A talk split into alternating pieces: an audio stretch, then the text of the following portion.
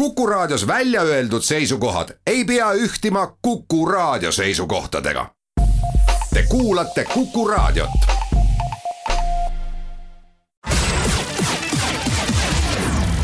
nädala Tegija.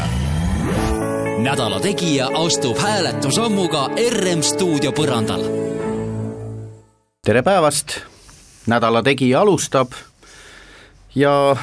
teatud põhjustel, millest kohe pikemalt räägime, on täna Nädala Tegijaks siseminister Kristian Jaani, tere päevast! tere päevast! Te olete nüüd kaks nädalat oma ametikohal olnud, et millised on esimesed muljed ja esimesed tunded? Ma tahan alustada hoopis sellest, et äh, täna on üks oluline päev, et politsei eriüksus K-komando saab kolmekümne aastaseks, nii et ma kõigepealt tahan äh, kõikidele headele kolleegidele K-komandost soovida palju õnne sünnipäevaks, et äh, vingid mehed ja minu hinnangul parim politsei eriüksus äh, maailmas. palju õnne ka Kuku toimetuse poolt ja kõike edu tulevikuks! aga need kaks nädalat on olnud kindlasti äh, väga huvitavad minu jaoks, et äh, ühtepidi ministri roll äh, valdkonnas äh, mis tervikvaates ei ole võõras, üks valdkond ehk siis Politsei-Piirivalveameti valdkond kindlasti väga tuttav, teised valdkonnad tuttavad, aga kindlasti vaja rohkem ja rohkem sinna ka sisse minna, nii et noh, minu jaoks see kaks nädalat on olnud üks igapäevane väga pingeline õppimise periood. võtame alustuseks selle teema, mille, mille alusel ma julgen teid äh, poliitikuna ja võib-olla kogu valdkonda nimetada nädala tegijaks, te mõni aeg tagasi täiesti värske ministrina ma julgen öelda, et andsite lubaduse, et kui PERH-i ülemarsti rünnati, te ütlesite, et see asi saab kiiresti lahendatud, ma veel tol hetkel mõtlesin, et võib-olla kavalam poliitik ja see ei ole nüüd kuidagi noh, teile ärategemine, vaid, vaid pigem tunnustuse ütlemine, et et kavalam poliitik oleks võib-olla öelnud, et vot politsei peab lahendama asja ja mina seisan siin natuke kõrgemal, aga te võtsite nagu ise sellise vastutuse ja tänaseks hetkeks võib öelda, et, et eilse päevaga on see asi juba noh, piltlikult öeldes lõpetatud kui keeruline on selliste noh, ärme räägi, et see rünnak avaliku elu tegelase vastu, kes praegu rindejoonel võitleb kõigi noh, meie heaolu eest, et see on niikuinii kole, aga kui keeruline on seda tehniliselt avastada? noh, kõigepealt minul poliitikuna on täna veel, ongi raske mõelda, ehk siis kui ma annan mingisugust sõnumit, siis ma annan selle sõnumi jätkuvalt ikkagi politseinikuna ikkagi, et äh, kakskümmend viis pluss aastat. Ja politseinikuna loomulikult, kui sellised sündmused ühiskonnas juhtuvad, mis raputavad ühiskonda korralikult, siis ma tean väga hästi, et äh, sõnum peab olema selge, konkreetne ja, ja tekitama inimeses ka turvatunnet. samas ma ka loomulikult tean, et need inimesed, kes seal taga on, see professionaalsus on nii kõrge ja see võimekus ja see tõenäosus, et sellele saadakse kiiresti jälile, on lihtsalt väga suur. Ja, ja, ja ma olen selles nii veendunud kas see tegevus on lihtne või keeruline, loomulikult äärmiselt keeruline on see. aga ka see meeskond, kes sellega tegeleb, eh, on suur, väga nutikas, läbi töötada selle piirkonna kõikvõimalikud äh, salvestusseadmed, kaamerad, inimesed, see kõik võtab aega, aga nagu näha, see viib ka tulemuseni ja see tulemus tegelikult, mina ütlen ikkagi sellise sündmuse puhul ikkagi tuli väga kiiresti. ja kui me võtame ajaloos võib-olla tagasi ja vaatame veel selliseid sündmuseid, mis on nagu ühiskonda raputanud, siis ega mulle väga kiiruga ei meenu, et, et mõni oleks väga pikalt jäänud lahenduseta. kas ma saan õigesti aru, et äh, pahategijad tunnetasid ise, et äh, silmus tõmbub koomale ja otsustasid ühel hetkel ma ei tea, kas vihjete või, või mingi info alusel välja tulla? Kui Selle, nii võib öelda. sellest hetkest, kui ikkagi äh, meedias on äh, mingidki pildid, ükskõik kui hästi need on äratuntavad võib-olla kõrvalise isiku jaoks, aga selle tunneb kindlasti ära see isik, kes iseennast seal näeb, siis loomulikult äh, psüühiliselt on see juba väga keeruline ja iga inimene tunneb, et see silmus hakkab nagu koomale tõmbama ja kui keegi sellest veel teab näiteks, siis hakkab ka tema aru saama, et võib-olla oleks aeg hakata survestama teist inimest, nii et äh, see meedias avaldamine ja ajakirjanike abi äh, ja see nii-öelda veel ähm, selle kogu sõnumi nii-öelda rõhutamine, see on nagu äärmiselt oluline tegelikult ja see aitab kaasa. no mind pisut üllatas äh, üks asi, võib-olla ma ei jaga üldse noh, selle, selles mõttes juriidikat ja võib-olla ei ole ka teie õige, õige minister, kellelt seda küsida, et võib-olla peaks just justiitsministrilt küsima, sest prokuratuur on ju seal all, aga kuidas need asjad nii kiiresti käivad, et äh, nüüd põhimõtteliselt mõne päevaga on juba ka kohtuotsus väljas, et see, et mehed kätte saadi, sellest ma saan hästi aru, et see on nüüd ütleme, et politsei noh, puhas töövõit, aga mul, see oli mul nüüd arusaamatu, et kuidas nii kähku see lõppotsus tuli. No kriminaalmenetluses või kohtueelses menetluses on erinevad menetlusliigid, üks nendest on ka kiirmenetlus ja tõepoolest, ega ütleme, kogu kohtupidamise või kogu õigussüsteemi ju minu hinnangul kõige suurem eesmärk on see, et see oleks kiiresti läbi viidud. Ja kui see võimalus on, et kõik tehiolud on selged, antud juhul tõepoolest päris kiiresti kõik tehiolud olid selged, tunnistajad olid oma ütlused andnud, täideviija oli tunnistanud ja rääkinud, tunnistajad äh, kinnitasid seda, kõik osapooled olid nõus, et lugu niimoodi juhtus, kõik osapooled olid nõus ka, noh, seal lepitakse kokku ka võimalikud karistused, ka sellega oldi osapoolte poolt nõus ja mis siis saab veel olla parem, kui tõesti väga kiiresti tõmmata joon alla. see on tegelikult väga hea, väga suur osa erinevaid äh, kohtumenetlusi tegelikult ju võiks nii kiiresti lõppeda. mulle jäi noh, selle kiire lõpplahenduse juures ainult paar asja, noh, sellised küsimused ikka inimesel tekivad ja et esiteks see ma ei tea, kas, kuidas on õige öelda, see kaasaaitaja, kaasosaline või mõnel pool öeldi autojuht selle, selle tunnistaja. või, või aa, tunnistaja, et ühesõnaga tema kvalifitseerus tunnistajaks ja selle tõttu tema nime ja tema nagu, kuidas ma ütlen, tema tegevuse motiv-, motiive või nägemust me ei teagi. just täpselt, tema on tunnistaja ja, ja ei tea, aga äh, veel kord, et loomulikult küsimused jäävad õhku ja mina ei jääks nüüd kindlasti kinna sinna, kinni sinna, et nüüd asi on kohtust läbi käinud, inimene on süüdi mõistetud, saanud ka reaalse vangistuse, siis ega uurijad nuputavad alati ka pärast edasi, et mis see ikkagi see nagu õige motiiv võib-olla võis olla, kas see motiiv, mis öeldi, oli võib-olla nagu õige, nii et äh, tegelikult selline kukla taga tiksub see mõttemaailm kõikidel uurijatel alati edasi, et äkki on siin midagi veel. Et mina võib-olla siis olen hukka läinud uurija, et, et mul hakkaski vot selle juba, juba tõstatatud teema jätkuks, et ma hakkasin mõtlema, et noh, kogu see selgitus, vot ma, ma olen niimoodi aru saanud, et kui kokkuleppemenetlusele minnakse, et siis nagu kõik osapooled peavad nagu ausad ja noh, kuidas ma ütlen, siirad olema, aga mulle see, see kurja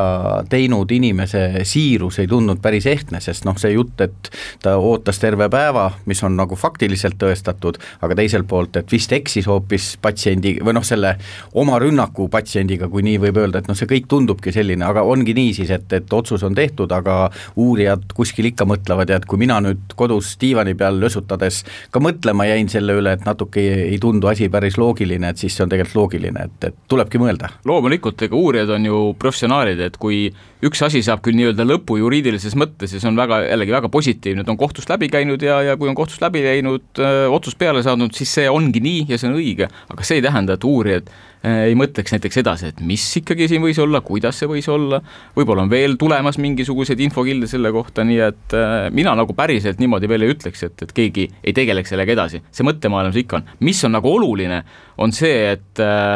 me saame ikkagi tõsikindlalt öelda, et äh, siin ei ole tegemist nagu selle Covidi temaatikaga või teadusnõukoja liikme vastu rünnakuga selles mõttes, mis on tema tegevus teadusnõukojas ja see on nagu oluline sõnum turvatunde taastamiseks ka teistele teadusnõukoja liikmetele, et selles mõttes on nagu väga oluline, et see asi sai lahenduse ja see on küll nagu selge uudis ja selge nagu sõnum selle asja juures. siinkohal kuulame pisut reklaami, jätkame juttu Eesti Vabariigi siseministri Kristian Jaaniga pärast seda nädala Tegija. Nädala Tegija astub hääletusammuga RM stuudio põrandal. nädala Tegija jätkab, täna räägime siseturvalisusest, saates külas Eesti Vabariigi siseminister Kristian Jaani, mina olen Meelis Atonen ja kui me saate alguses rääkisime üksikjuhtumist, mis selleks hetkeks on Eh, juba lahenduse saanud ja ka kohus on otsuse langetanud, siis eh, küsin võib-olla natuke üldisemalt, et eh, ega see kodus istumine paljude inimeste jaoks noh, ei ole kerge, ütleme mentaalsel tasemel, et, et inimesed muutuvad närvilisemaks, keegi loeb uudiseid, loetakse, tänapäeval me teame, uudised on väga mitmekesised, kui hästi, hästi ilusasti öelda ja siis keegi satub kummalisse info välja ja inimesed muutuvad natuke kurjemaks ja kui suhtlust on vähem ja kuidas see noh, viies nüüd võib-olla üleüldiselt inimestevahelistesse suhetesse, aga teiselt poolt võib-olla ka noh,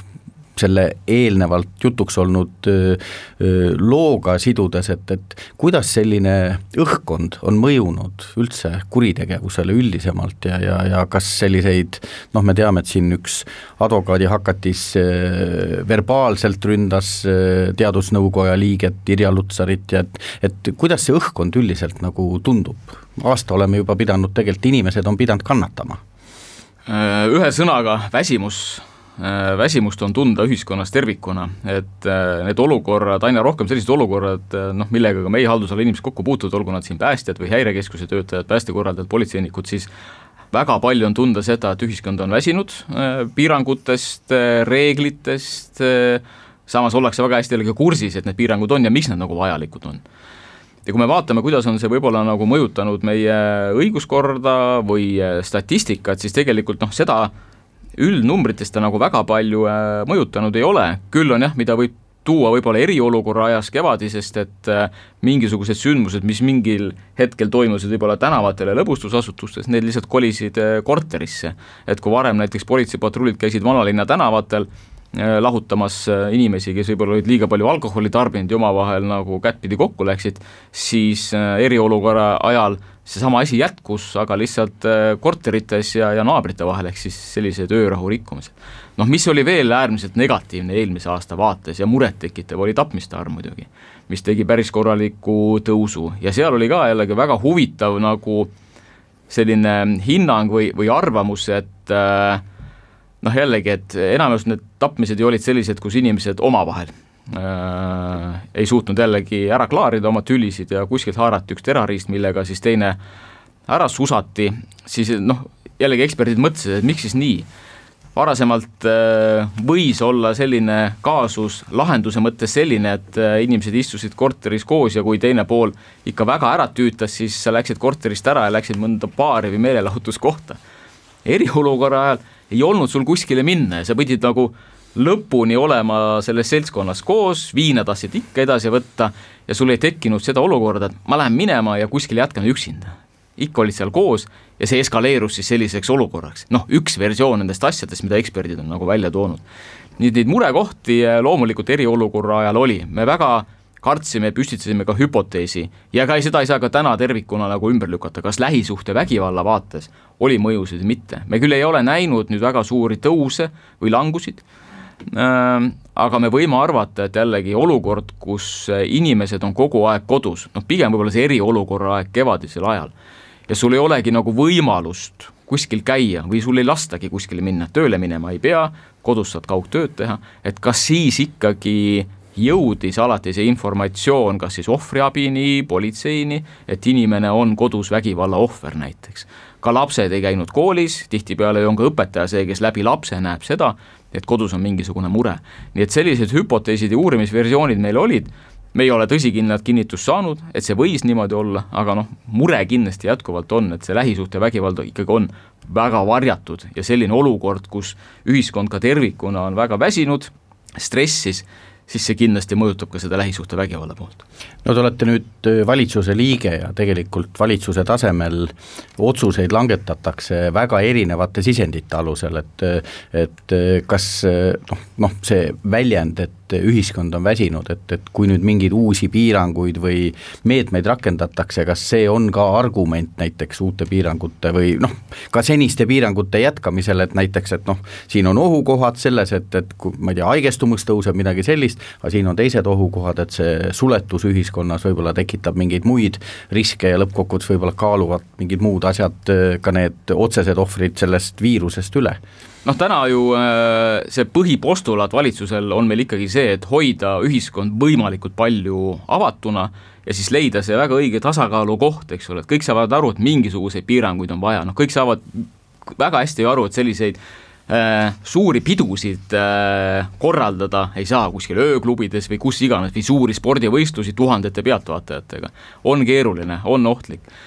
nii et ja tänane olukord on ikkagi see, et, et, et tõepoolest me oleme jõudnud noh, terve Eesti vaates teatava stabiilsuseni, aga see stabiilsuse aste on ikka väga kõrgel, kui me vaatame inimesi, kes on täna haiglas, äh, viimased päevad on ju rekordeid löönud selles äh, kõvasti üle neljasaja inimese haiglas, siis see on kindlasti see, mis teeb muret, justkui platoo on saavutatud, aga alla ka ei hakka minema. nii et noh, fakt on see, et äh, stabiilsus on hea, aga see stabiilsus on väga kõrgel tasandil, piirangud peavad olema, aga tõepoolest kogu aeg tuleb kaaluda ka seda, et, et hoida ka võimalikult avatuna ühiskonda, samas kuskil peavad olema väga konkreetsed piirangud. räägime korra väsimusest ka teie haldusala kontekstis, teie vastutusala inimesed, noh, teevad päris tänamatut tööd, kui nii võib öelda, et, et selles mõttes tänuväärset, aga noh, ma teame, et palgad ei ole kõige kõrgemad, teiselt poolt töö on noh, pidevalt oled eesliinil võitled, ma isegi mõnes mõttes ütlen, et et töö on kohati hullem kui õpetajatel, et, et õpetajad ikkagi saavad küll lastega, aga, aga ikkagi viisakate inimestega asju ajada, teil tuleb mitte kogu see aeg, aga noh, tuleb ette ka teis, teistmoodi kodanikke, kellega tuleb teha. kui suur on see väsimus Siseministeeriumi haldusalas, te ise tulete politseist, sealt näete kindlasti väga selgelt, aga et, et noh, see, see on ju ka mingi indikatsioon absoluutselt. Ja ega politsei öö, äh, oma ütleme siis nii, kuue tuhande inimesega, siis mina ütlen sinna juurde ka kõik meie vabatahtlikud, on üks osa ühiskonnast. Ja kui ühiskond on tervikuna ikkagi, me tunnetame nagu väsinud, ega siis politsei kuidagi äh, sealt ei eristu või päästjad või või häirekeskuse töötajad, nii et äh, loomulikult seda on tunda, sest see võitlus eesrindel alates äh, kevadest, eelmise aasta kevadest, äh, ega see ei ole lihtne olnud ja see on ju täiesti uus olukord, äh, noh, meie inimesed on nagu harjunud võitlema ikkagi sellise nähtava vaenlasega, nüüd on nagu selline nähtamatu vaenlas on ta-, vaenlane on taustaks ja siis on väga erinevad ühiskonnagrupid, kellega tõesti oleme ka näinud erinevaid videosi, on päris palju sellist selgitamist, vaidlemist ja veel kord selgitamist ja see ei ole kindlasti lihtne, sest ega noh, veel kord, politsei ülesanne on selgitada ja, ja veel kord selgitada aga ega ta päris nagu kõikide inimesteni ei jõua ja see on nagu kurb, et tegelikult ei saada aru sellest, et noh, iga inimene ise, mis on tema roll ja mida tema saab teha selleks, et et võib-olla lõppkokkuvõttes ikkagi kogu Eesti oleks avatud ja, ja taastuks olukord, mis oli enne kriisi. nii et jah, see olukord ei ole lihtne ükskõik millises äh, SIM haldusala tööliinis kaadrivoolavust kui sellist viimase, tegelikult on üksteist kuud, on juba see noh, piltlikult öeldes eriline olukord äh, kehtinud, et äh, ei ole selliseid äh, massilisi inimeste äraminekuid või on vastupidi pigem, et inimesed raskel hetkel on ma ei teagi, mis see eestikeelne väljend on, on kokkuhoidvamad. Ei ole äraliikumist, ikka SIM haldusala inimesed on nii kõva vaatega, et väga lihtsalt ikkagi oma ametikohalt ära ei, ei liiguta, nii et sellist äh, Äh, tööjõu voolavust äh, nüüd kriisi ajal ei ole kindlasti ette tulnud, et siinkohal kuulame uudiseid reklaami, jätkame juttu siseminister Kristian Jaaniga pärast seda. nädala Tegija. nädala Tegija astub hääletusammuga RM stuudio põrandal. nädala Tegija jätkab, täna räägime siseturvalisusest ja saates külas paar nädalat ametis olnud siseminister Kristian Jaani, mina olen Meelis Atonen ja kui politseinikest jutt oli ja sellest, et nende motivatsioon on kõrge, siis sellest saate alguse jutuks olnud juhtumist rääkides ma olen alati imetlenud ühte asja, ma olen ise ka korra oma asutusega kokku puutunud, kuidas politsei tegutseb ja siis ma nägin, kuidas te suutsite organisatsioonina infot töödelda ja, ja, ja noh, ütleme nii, et mulle tundus, et infotehnoloogiline võimekus on päris kõva ja samal ajal ma tean väga hästi, et äh, kui keeruline on leidna, leida selle valdkonna inimesi tööle, palju nad raha küsivad, et äh, mm, võib-olla jõuame ka üldise politsei palgani või, või siseturvalise töötajate palgani, aga kust te need inimesed võtate? Kes eh, noh, piltlikult öeldes ma kahtlustan, et mujal võiksid palju rohkem raha teenida või, või on teil mingid eriressursid, et te saate teatud valdkonna spetsialistidele tõesti eraldi maksta? no siin tuleb nüüd võtta nagu kaks erinevat suunda, kui me räägime sellest eh, tehnoloogia kasutamisest ja tehnoloogia arendamisest. et äh, siseministeeriumis on oma, olemas oma nii-öelda siis äh, siseministeeriumi infotehnoloogia allasutus, SMIT siis lühendiga ja loomulikult need on nüüd need inimesed siis, kes on meile abiks arendamaks erinevaid tehnoloogilisi lahendusi, olgu nad siis erinevad andmebaasid äh, või mida iganes. Ja, ja see areng on tõesti viimastel aastatel olnud äh, meeletu vajadused loomulikult veelgi suuremad äh, tuleviku vaates, sest see potentsiaal, mida täna juba tehnoloogia pakub, on ju niivõrd meeletu ja see, mida me oleme suutnud täna kasutusele võtta, on noh, tegelikult kübeke sellest. kui me räägime nüüd nendest inimestest, kes tegelevad selle arendusega, noh, ütleme siis programmeerimisega, väljatöötamisega, siis loomulikult äh, seal me peame palga osas äh, konkureerima sellega, mis antud turul Eestis on ja see turuhind ei ole kõige madalam aga konkurentsi me seal peame pakkuma ja veel kord, need inimesed on meil olemas, MIT-is äh, teevad väga head tööd ja, ja on nagu superarendajad ja selles mõttes, aga noh, veel kord, äh, kui oleks nagu miljardeid, siis tõenäoliselt oleks meil varsti veel rohkem siin tänavatel roboteid ringi käimas, kes asendavad politseid, võib-olla nii-öelda inimese moodi politseid ja seda teeb hoopis robot. nüüd see teine pool on need rakendajad, kes siis ühtemoodi igapäevaselt kasutavad seda tehnoloogiat või siis äh, peavad uurima neid süütegusid, mis on seotud selle küberivaldkonnaga. Ja see on kindlasti nüüd natukene keerulisem, sest see inimene, kes igapäevaselt peaks äh, tegelema, ma ei tea, küberkuritegude ennetamisega või ka uurimisega, peab olema ka ikka päris nagu nutikas selles valdkonnas ja siiamaani need inimesed, kes meil on olemas, on pigem olnud sellised paljuski fännid ja iseõppinud inimesed, kes väga hästi seda olukorda jagavad ja oskavad nagu minna sinna, kuhu võib-olla teised minna ei oska. aga see on jällegi koht tõepoolest, kuhu me lähitulevikus peame ressurssi juurde saama, et leida nüüd neid inimesi, kes äh, suudavad lahendada, menetleda, uurida, ennetada ja selles osas veel kord, tõepoolest, see ei ole enam nüüd nii lihtne, et selliseid inimesi sinna leida. Ja kui me vaatame ka jällegi sellist kuritegevuse statistikat, siis sellised küberkuriteod ju viimasel aastal pea viisteist protsenti tõusid, et see valdkond areneb, noh halvas mõttes, areneb ikka meeletu kiirusega, inimesi tõmmatakse igapäevaselt päris korralikult haneks, kurb on see, et äh, tegelikult ennetust on väga palju küll läbi viidud, aga kurb on see, et äh, väga tihti sellised äh, kuriteod algavad ju sellest, et inimene ikkagi väga lihtsalt annab enda käest ära kõik oma arvuti password'id, ID-kaardi password'id ja nii edasi täiesti tundmatutele inimestele. ma julgen väita, kui seda ei oleks, siis äh, rohkem kui pooled sellised kuriteod oleks nagu kadunud.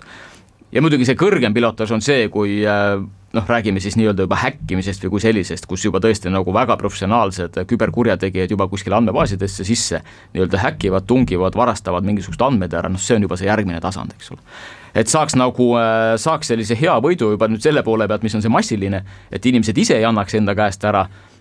oma andmeid, siis see oleks juba suur asi. ma ei tea, kas selle saate alguses jutuks olnud PERH-i ülemarsti ründamise äh, teema nagu kokkuvõtteks võib öelda, et seal me nägime, kuidas võib-olla vana ja kuritegelik maailm ei ole kaasajaga kaasa käinud ja nüüd see, mis te praegu jutuks tõite, ma oleks seda teemat niikuinii küsinud ise, aga et, et uued kurjategijad piltlikult öeldes jooksevad võidu korrakaitsjatega, et kumb on paremini relvastatud ja ja noh, mitte ainult korrakaitsjatega, vaid ka nendega, keda rünnatakse, sest noh, tihti siin oli juttu nendest üksikisikutest, kes ise midagi ära annavad, aga ka ettevõtted, kes võib-olla ei kaitse oma vara või oma süsteeme piisavalt hästi, et noh, see on tegelikult võib-olla enda hooletus, aga see eeldab kurjategijatelt ikka seda, et nad on tänapäeval väga kaasaegsed. jaa, korraks veel tagasi tulla selle Talvingu kaasuse juurde, siis kuriteo toimepanemise viis küll võib-olla niisugune äh, klassikaliselt vanaaegne, aga lahendamine ikkagi väga kaasaegne, sest lahendamisele ikkagi aitab jällegi kaasa see tehnoloogia, okei okay,, selles mõttes lihtne tehnoloogia, et me räägime, et hoida, leida üles nagu kaamerad ja läbi kaamerate hakata liikuma ja leida ja vaadata ja nii edasi, aga tõepoolest, äh, kui tulla nüüd nagu tänapäeva, siis siin tõepoolest on kogu aeg selline nagu kassi-hiire mäng, et äh, kord on need küberkuritegijad nutikamad, leiavad mingisuguse tagaukse, eks ole, siis oleme meie neist eespool, paneme selle kinni, leitakse järgmine, äh, kui noh, jällegi nut-, mitte jutumärkides, aga päriselt ka, et kui äh, nutikad ollakse selles, et leida mingisugune uus äh, rakendus, kus saab nii-öelda siis segamatult tegutseda, krüpteeritult, äh, kui kiiresti nüüd politsei sinna jälile jõuab, paneb selle kinni, leitakse uus ja siin on jällegi hästi oluline see, et äh, kuidas ja kui hästi me rahvusvaheliselt koostööd teeme, sest see valdkond on nüüd küll selline, et me ei otsi seda inimesi Tallinnast äh, kuskilt kesklinna korterist, kes sellega tegeleb, vaid tihtipeale kuskilt Euroopast, kuskilt maailmast, äh, põrkume seal kokku võib-olla meie partneritega, kes töötavad võib-olla hoopis Ameerikas või Euroopas mõnes riigis, eks ole, ja see, et meil nagu nendega oleks kas siis Euroopa tasandil väga hea koostöö või ka näiteks ameeriklastega, siis see on nagu äärmiselt oluline, sest seal küberruumis nagu üksi mitte midagi ära ei tee. Kui keeruline on see rahvusvaheline koostöö, et, et just nende küberkuritegude puhul ju selle taha poetaksegi, et ma ei tea, mingeid asju juhitakse Venemaalt, no see vist on kõige keerulisem, kuidas ma ütlen, ots praegu, aga ka Euroopas ja seal ikkagi koostöö toimib. jaa, äh, kolmandate riikidega tõepoolest keeruline ja kui niidid sinna viivad, siis äh, tõepoolest see on natukene keerulisem kui me räägime Euroopa kontekstis äh,, ütleme nii, et tüki maad lihtsam, mitte nüüd äh, kõige lihtsam, aga ikkagi lihtsam äh,, meil on olemas Europol ja nii-öelda Europoli katus ja liikmesriikidega neid asju lahendada on ikkagi lihtne, meil on oma nii-öelda head liitlased ameeriklaste näol, äh, kui meil on vaja seal head koostööd teha, siis see ka ideaalne koostöö, nii et äh, kui on liitlased või Euroopa partnerid, see asi on lihtne, kui on kolmandad riigid, Venemaa, siis läheb loomulikult keeruliseks, aga noh, see ei tähenda, et me ei ürita. piirivalve, teie eelkäija lubas eraldi piirivalve teha, no mina tema taustaks olevaid mehi tean, seal tal oli mitu vana piirivalvejuhti ja ilmselt seal oli selline restauratsioon hinges. Teie olete nüüd nende õnnetuseks politsei taustaga mees, et, et kas piirivalvet on mõistlik eraldiseisva üksusena taastada Eestis? ei ole väga lihtne, siin ei ole midagi üldse argumenteerida. Ei ole, äh, see otsus, mis nüüd rohkem kui äh, kümme aastat tagasi oli tehtud, et äh, tooaegsed eraldiseisvad asutused Siseministeeriumi haldusalas kokku viia, Kodakondsus- ja Migratsiooniamet, Politseiamet ja, ja, ja Piirivalveamet, noh kuigi politsei all oli seal veel erinevaid juriidilisi asutusi, kes nagu tervikuks kokku liideti, siis mina arvan, et nagu riigi sellise kuluefektiivse juhtimise põhimõttel ikkagi väga mõistlik, väga mõistlik otsus ja aluseks ka see, et äh, me olime astunud Schengenisse, eks ole, millised on ülesanded nagu piirivalvel, jätkuvalt, meie välispiir on väga hästi kaitstud, äh, selles ei kahtle mitte keegi ja see on jätkuvalt väga oluline ülesanne ja meie piirivalve teeb selleks nagu väga head tööd, superprofessionaalid ja väga hästi kaitstud. ja ka meie sisepiiridel kõik kompensatsioonimeetmed, mida politsei teeb igapäevaselt, on ka väga hästi tagatud. nii et äh, täna ikkagi räägime politsei- ja piirivalveametist ja loomulikult äh, selle vastu ei saa kellelgi olla, et äh, et piirivalve nagu arendamine, teenuste arendamine Politsei- ja Piirivalveameti sees loomulikult on oluline, nii nagu ka teiste valdkondade arendamine. selles pole üldse küsimus, äh, meie idapiiri väljaehitamine, mis on ka sellega seotud, ka väga oluline ja täna ju aktiivne ehitus selles vaates käib, et meil on Võrumaal selline kahekümne kilomeetrine lõik on täna aktiivses ehituses, kolme aastaga tõenäoliselt selle esimese lõiguga saame ühele poole, kulu on sinna kakskümmend pluss miljonit eurot kuskile, nii et sellise taristu valmis ehitamine ja loomulikult noh, üks asi on taristu ja metall, teine asi ka ikkagi see, et see oleks ka tehnoloogiliselt väga heal tasemel, liigume väga heas suunas. siinkohal kuulame reklaami, jätkame juttu siseministriga pärast seda nädala Tegija. nädala Tegija astub hääletusammuga RM stuudio põrandal. nädala Tegija jätkab, räägime siseturvalisust ja saates külas siseminister Kristian Jaani. no piirivalve juurest äh, lähme korraga päästjate juurde, et äh, päästjad on teil vist äh, ma ei tea, mul on jäänud mulje, see võib nüüd petlik olla, aga see on nüüd tavaline lehelugeja, et päästjad on selles mõttes, et teevad võib-olla ühte kõige keerulisemat tööd, alahindamata, ma ei tea, politseitööd või, või ka piirivalvurite tööd, aga nemad on need mehed, kes siis on valdavalt mehed, kes siis on kui justkui rahaliselt kas vanadest aegadest või kuskilt jäänud kõige väiksema palga peale, on mul see lehelugeja tunnetus õige? keerulist tööd teevad kõik siseministeeriumi haldusalas. Ja seda öelda, et keegi teeb keerulisemat või raskemat, ei saa, et, et, et kõik on selles oma alas äh, profid ja oma alas on see väljakutse kõigile keeruline. see, et meie päästjad on äh, kõige väiksema palgaga, see on fakt, tõepoolest, täna tuhat kuuskümmend kaheksa eurot, mis on äh, kaheksakümmend protsenti Eesti keskmisest, nii et mis omakorda viib selleni, et meie päästjad lisaks sellele, et nad igapäevaselt inimesi päästavad, siis vabal ajal tegelevad veel igasuguse muu tööga et äh, normaalselt ots otsaga kokku tulla, nii et äh, see, et päästjate palk madal on, see on fakt. see, et ka teistel äh, siseministeeriumi haldusala töötajate palgad peavad olema suuremad, see on täpselt samasugune fakt. kas kriis on päästeteenistuse või päästjate tööd kuidagi rohkem mõjutanud, et inimesed on rohkem kodus, kas sellest on tekkinud see, et, et neil pigem on tööd vähem, kuna noh, kodus olles sa kontrollid, mis sa teed ja ei jäta võib-olla asju hooletult, või on statistika pigem teistpidine? kui me vaatame selliseid statistilisi näitajaid, eh, noh, mida meie Päästeamet ka noh, oma suurtes eesmärkides tahab kõvasti nagu alandada, on siis tulesurmad või, või, või uppumissurmad, siis seal eh, kahjuks üks suurt langust eh, otseselt ei olnud, eriti just nagu uppumissurmade vaates, mis jällegi näitab, et, et, et miks on inimesed hakanud nagu sellisena käituma et, äh, et see käitumine lõpeb nagu surmaga, jah, siin kui iga kaasus eraldi lahti võtta, siis sa leiad võib-olla igale poole sellise objektiivse selgituse no, kõrtsis objektiivne..., kõrtsis juua ei saa, lähen sõpradega veekogu äärde ja pärast ujume ja ongi kutu. Ja selle juurde käib ikkagi alkohol, et Täpselt. see on see nagu kahjuks enamus meie suurte nagu murede ja väljakutsete nagu algpõhjus või juurpõhjus, et, et liiga suur alkoholi tarbimine, mis lõpeb siis surmaga, on seda nii lähisuhtevägivallas, on seda ka erinevate päästesündmuste puhul, olgu need siis uppumised või, või tulesurmad. samas, äh, kui ma vaatan täna seda, et äh, kõvasti üle üheksakümne protsendi Eesti elanikest äh, usaldab meie päästjaid ja tegelikult üle üheksakümne protsendi usaldatakse ka meie häirekeskust, Politsei- ja Piirivalveametit, siis sellega näitab seda, et süda ja hing on nagu õiges kohas ja tehakse nagu õiget asja et see töö on meil kõigil raske, aga, aga inimesed usaldavad, järelikult suund on õige. küsin hoopis võib-olla sellise väga spetsiifilise teema kohta, aga kindlasti endise politseinikuna on teil siin nägemus olemas, et kiiruskaamerad. viimasel ajal lehest loen, et eh, kohalikud omavalitsused näevad seda nagu mingi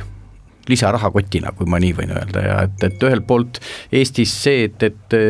suurematele teedele on pandud kiiruskaamerad ja see kindlasti on distsiplineerinud, et ühelt poolt on nagu head signaalid, teiselt poolt mina näen nagu selles ohtu, kui keegi hakkab neid noh, mina kujutasin alati ette, et kiiruskaamerate eesmärk ei ole mitte raha koguda, et see on nagu kaasanne, aga eesmärk on ikkagi see, et, et liiklus oleks sujuv ja mõistlik ja noh, ma ei tea, kuri, kurikaelu tagasi tõmmata. aga kui ma nüüd loen omavalitsuste hasarti nagu, siis mul vahepeal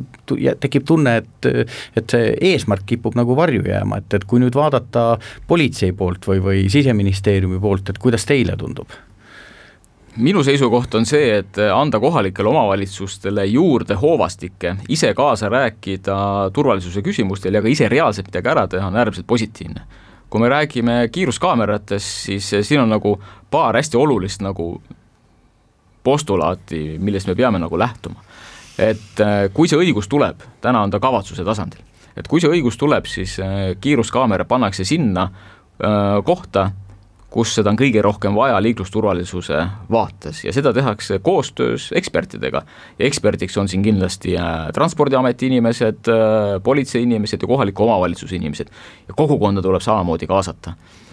Mitte mingil juhul ei tohi rääkida kiiruskaameratest kui trahvimasinatest või rahakogumisvahenditest, kiiruskaamerad Skandinaavia maades öeldakse niimoodi, et kiiruskaamera on elupäästja ja see on nagu niisugune lähtealus kahjuks on nii, et inimesed jätkuvalt rikuvad ja, ja trahvi saavad ja õnneks ka maksavad trahvi ära. nüüd, kuhu seda raha suunatakse, minu seisukoht ja nii on ka seal nagu plaan olnud, et suur osa sellest peab minema tagasi liiklusturvalisusesse. ehk noh, võib-olla see kõige lihtsam näide on see, et, et, et kui mingisugune äh, liiklussõlm on ohtlik äh, ja seal ka rikutakse, siis ja kaamera seal tuvastab rikkumise, siis lõpuks peab olema eesmärk see, et see liikluskeskkond, kas või tänu nendele trahvirahadele näiteks, on lõpuks muudetud turvaliseks või muudetud selliseks, et seal ei saagi rikkuda. et äh, lõppeesmärk peab olema see, et keegi ei rikuks. ja seda keegi ei rikuks, saab teha nii, et noh, üldjuhul aitab alati see liikluskeskkond, see tuleb ka siis ümber ehitada, turvaliseks muuta, mida iganes, et aga ei tohi olla nii jah, et teeme sellepärast, et siit saab raha juurde. raha võib tulla, aga see raha peab minema liiklusturvalisusesse tavaliselt on nii, et kui keegi saab ministriks või, või ei ole isegi küsimus ministriks saamiseks, saab ettevõtte juhiks või midagi sellist, siis ta seab endale mingi noh, paar märgatavat või sellist arusaadavat eesmärki. no teile tuli see ettepanek ministriks hakata hästi ootamatult, aga nüüd on kaks nädalat möödas, et olete mõelnud, et mis võiksid olla paar asja, et, et kui nüüd kunagi ma ei tea, võib-olla minister Jaani ei ole meil siseminister mitte kaks aastat, vaid hoopis kuus aastat või kümme aastat. aga ükskõik, kui kaua te olete olnud, et siis eh, oleks hea tunne, et vot, see või see asi sai tehtud, kas on mõned sellised märksõnad? no eks ikka on, aga siin tuleb arvestada ka seda, et eh, mina hüppasin nagu suurel kiirul, kiirusel eh, li, liikuva nagu rongi peale, on ju, ja olen täna nagu pigem ikkagi vaadanud need sellest nii-öelda olemasolevaid pikka, pikkasid strateegiaid ja pikkasid eesmärke muidugi olles enamusega nendega ka eelnevalt kursis, aga kui sealt mingisugused asjad äh, välja noppida ja mul on ka hea meel, et need on jõudnud sinna saja päeva tegevuskavasse, siis äh, kogu äh, siseturvalisuse arengukava näiteks vastuvõtmine järgmiseks kümneks aastaks on minu jaoks kindlasti äärmiselt oluline, mis paneb nagu paika väga konkreetsed jällegi niisugused pikad eesmärgid, vaated, erinevad valdkonnad, mida tuleb arendada ja seal on ka väga konkreetsed indikaatorid, kuhu me tahame jõuda kümne aasta pärast. Mm aga loomulikult on selleks vaja ka raha ja eelarvet juurde, nii et kui me täna vaatame ja võtame võrdluseks näiteks, näiteks äh, skp, mida täna hästi palju nagu sõjalises kaitses äh, võrreldakse, siis äh, minu mõte näiteks lihtsalt mõttearendusena võiks olla selline, et ka siseturvalisuse valdkond laias vaates võiks olla samamoodi kuidagi seotud meie SKP-ga, näiteks et noh, võtame ka siis aluseks kaks protsenti, nii nagu näiteks sõjalisele kaitsele on täna planeeritud isegi üle kahe protsendi. et äh, senini on selline siseturvalisuse eelarve olnud äh, viimastel aastatel selline ühe koma viie protsendi äh, peale, samas niisugused arendusvajadused ja pikad vaated, et olla, et püsida pinnal siseturvalisusel on kuskil niisugune sada nelikümmend, sada viiskümmend miljonit. nii et ja kui me vaatame siseturvalisuse arengukava nagu kümne aasta perspektiivis, siis rahalised vajadused sinna on kuskil kuus miljardit noh, loomulikult mingi on baaseelarves pikas vaates ka olemas. nii et äh, arengukava väga positiivne, et ta on saja päeva kavas, aga nüüd see, et ka ellu viia ja, ja, ja sinna vahendid taha saada, siis see on kindlasti väljakutse hästi lühike küsimus või, või võib-olla see ei ole üldse nii lihtne, aga kui palju erineb kõrge politseiametniku elu poliitiku elust, et olete nüüd kaks nädalat minister olnud, et on see tuntav? See on äh, tuntav ja eks ma jätkuvalt ikkagi äh, olen oma maailmavaatelt äh, politseinik, nii et sellest rollist on välja astuda jätkuvalt väga keeruline, aga igapäevaselt õpin midagi muud, arenen, nii et ootan huviga, mis saab edasi. hästi selline viimane küsimus, aga et teile helistati Keskerakonnast, pakuti portfelli. ma ei taha nüüd kuidagi millelegi halvasti vihjata, aga kas oleks olnud mõni erakond, kelle pakkumise oleks igal juhul ära öelnud? või oleks igat üht kaaluda saanud? ma oleks kindlasti kaalunud äh, igal juhul nii-öelda seda ministri ametikohta, sest äh, ka antud juhul ma kaalusin ministri ametikohta mitte niivõrd äh, erakondlikku kuuluvust. aga loomulikult ma saan aru, et kui Keskerakond selle pakkumise on teinud, siis mis on nende ootus ja siin ma mitte kuidagi keerutama ei hakka nii et äh, hetkel äh, olles ministri äh, ametikohal, siis veel kord väga vastutusrikas ja mul hea meel, et see pakkumine mulle tehti. ja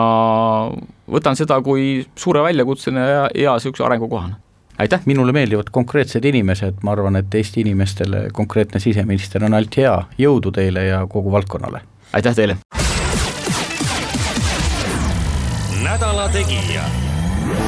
nädala Tegija astub hääletusammuga RM stuudio põrandal